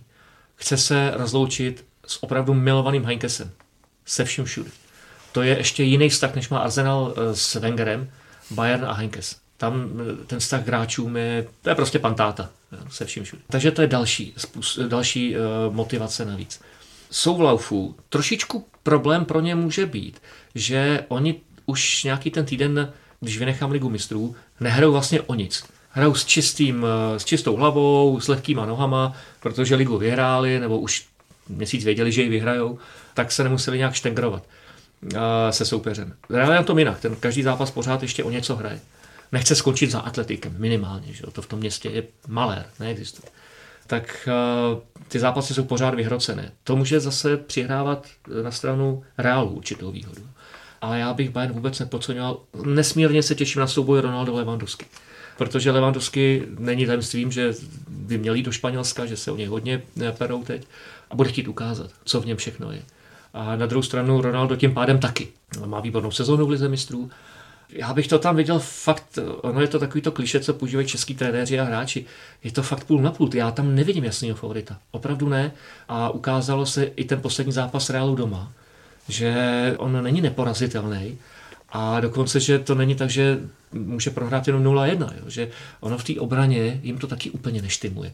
Takže toho eh, Bayern může klidně, klidně využít, ale zase Ronaldo dá třeba 4 góly za poločas, já nevím to je právě to, že teďka berou 5-0, 6-0, ale v podstatě bez takového toho tlaku, že na druhou stranu Real s tou může být vyšťavenější, že už v sezóně má za sebou x těžkých zápasů s Paris Saint-Germain, osmi finále, teďka to bylo čtvrtfinále s Juventusem, ale oba ty velké dvojzápasy zvládl, kdežto Bayern už jsme se o tom bavili, že jo, předtím v Bundeslize zase nenarazí zas na tak srovnatelné kvalitativně soupeře a jinak eh, od Paris Saint-Germain vlastně nenarazili na soupeře špičkového ranku v podstatě už 6-7 měsíců, nebo kolik to je, možná trošku přeháním. Tak trošku ale, v té Sevě domácí no, potrápili, To jo, ale... to jo. Ale se, jakoby tou Sevillou vyhráli a zase si vezmeme, že hmm. Sevilla dokázala vyřadit Manchester United, takže to rozhodně teda nejsou žádný nazdárci. Ale pořád je to trošku jiný kalibr a na tohle to Bayern doplácel. Ale myslím si, že jestli někdy Bayern by měl postoupit, tak eh, navzdory tomu, že Guardiola s tím týmem možná v tom průběhu celé sezóny dokázal víc výkonnostně ho dostat na úplně jiný level, tak v těch velkých zápasech víc věřím Heinkesovi. A tam jediný problém, který já úplně vidím, je Golman. No, a, no. protože přece Ulreich těch Teďka ani nejsou zranění, teda kromě právě Neuera. No, no, no, no, no. A ono už se spekulovalo, že Neuer by mohl být připravený právě do téhle fáze, už, už trénuje to, jo, ale zdaleka ne tak, aby mohl dobrát na podobný zápas. Aspoň teda podle toho, co jsem, co jsem zachytil v německých médiích. A Ulreich eh, samozřejmě není špatný no, to by nemohl chytat za Bayern. Ale eh, vím, jak s tím cvičila jeho hlava, když nastupoval k prvním soutěžním zápasům. Dělal chyby, dostal pár lacených gólů, problém dobrý, že vždycky čtyři dali, jo, takže to nikdo moc neřešil. Ale tady může rozhodovat jedna střela, eh, jedno špatné vyběhnutí, jeden neudržený balon a to může možná trošičku Bayern limitovat. Je fakt, že Warajková forma se ustálila, ale on v té lize nemá moc co ukazovat. To jsou dvě střely za zápas, hmm. možná tři, když se to hodně daří soupeři. Člověk si vlastně nepamatuje z posledních dvou měsíců nějakýho extrémně super zákrok, že by, že by Bayernu vychytal vítězství. A teď to bude jiný. Teď to bude fakt hodně jiný. Tak se necháme překvapit, těšíme se a z dnešního Fotbal Focus podcastu je to vše. Díky moc, pánové, za váš čas a vám posluchačům moc děkujeme za přízeň. Jestli chcete mít nejen naše fotbalové podcasty všechny pohromadě a poslouchat je offline, naleznete nás ve všech podcastových aplikacích a kromě toho je taky můžete odebírat na Soundcloudu i YouTube a domovskou stránkou je samozřejmě náš web čtsport.cz. A kromě toho budeme moc rádi, když nám zanecháte jakékoliv reakce na sociálních sítích nebo recenze v iTunes a budeme se na vás těšit i příští týden. Mějte se pěkně.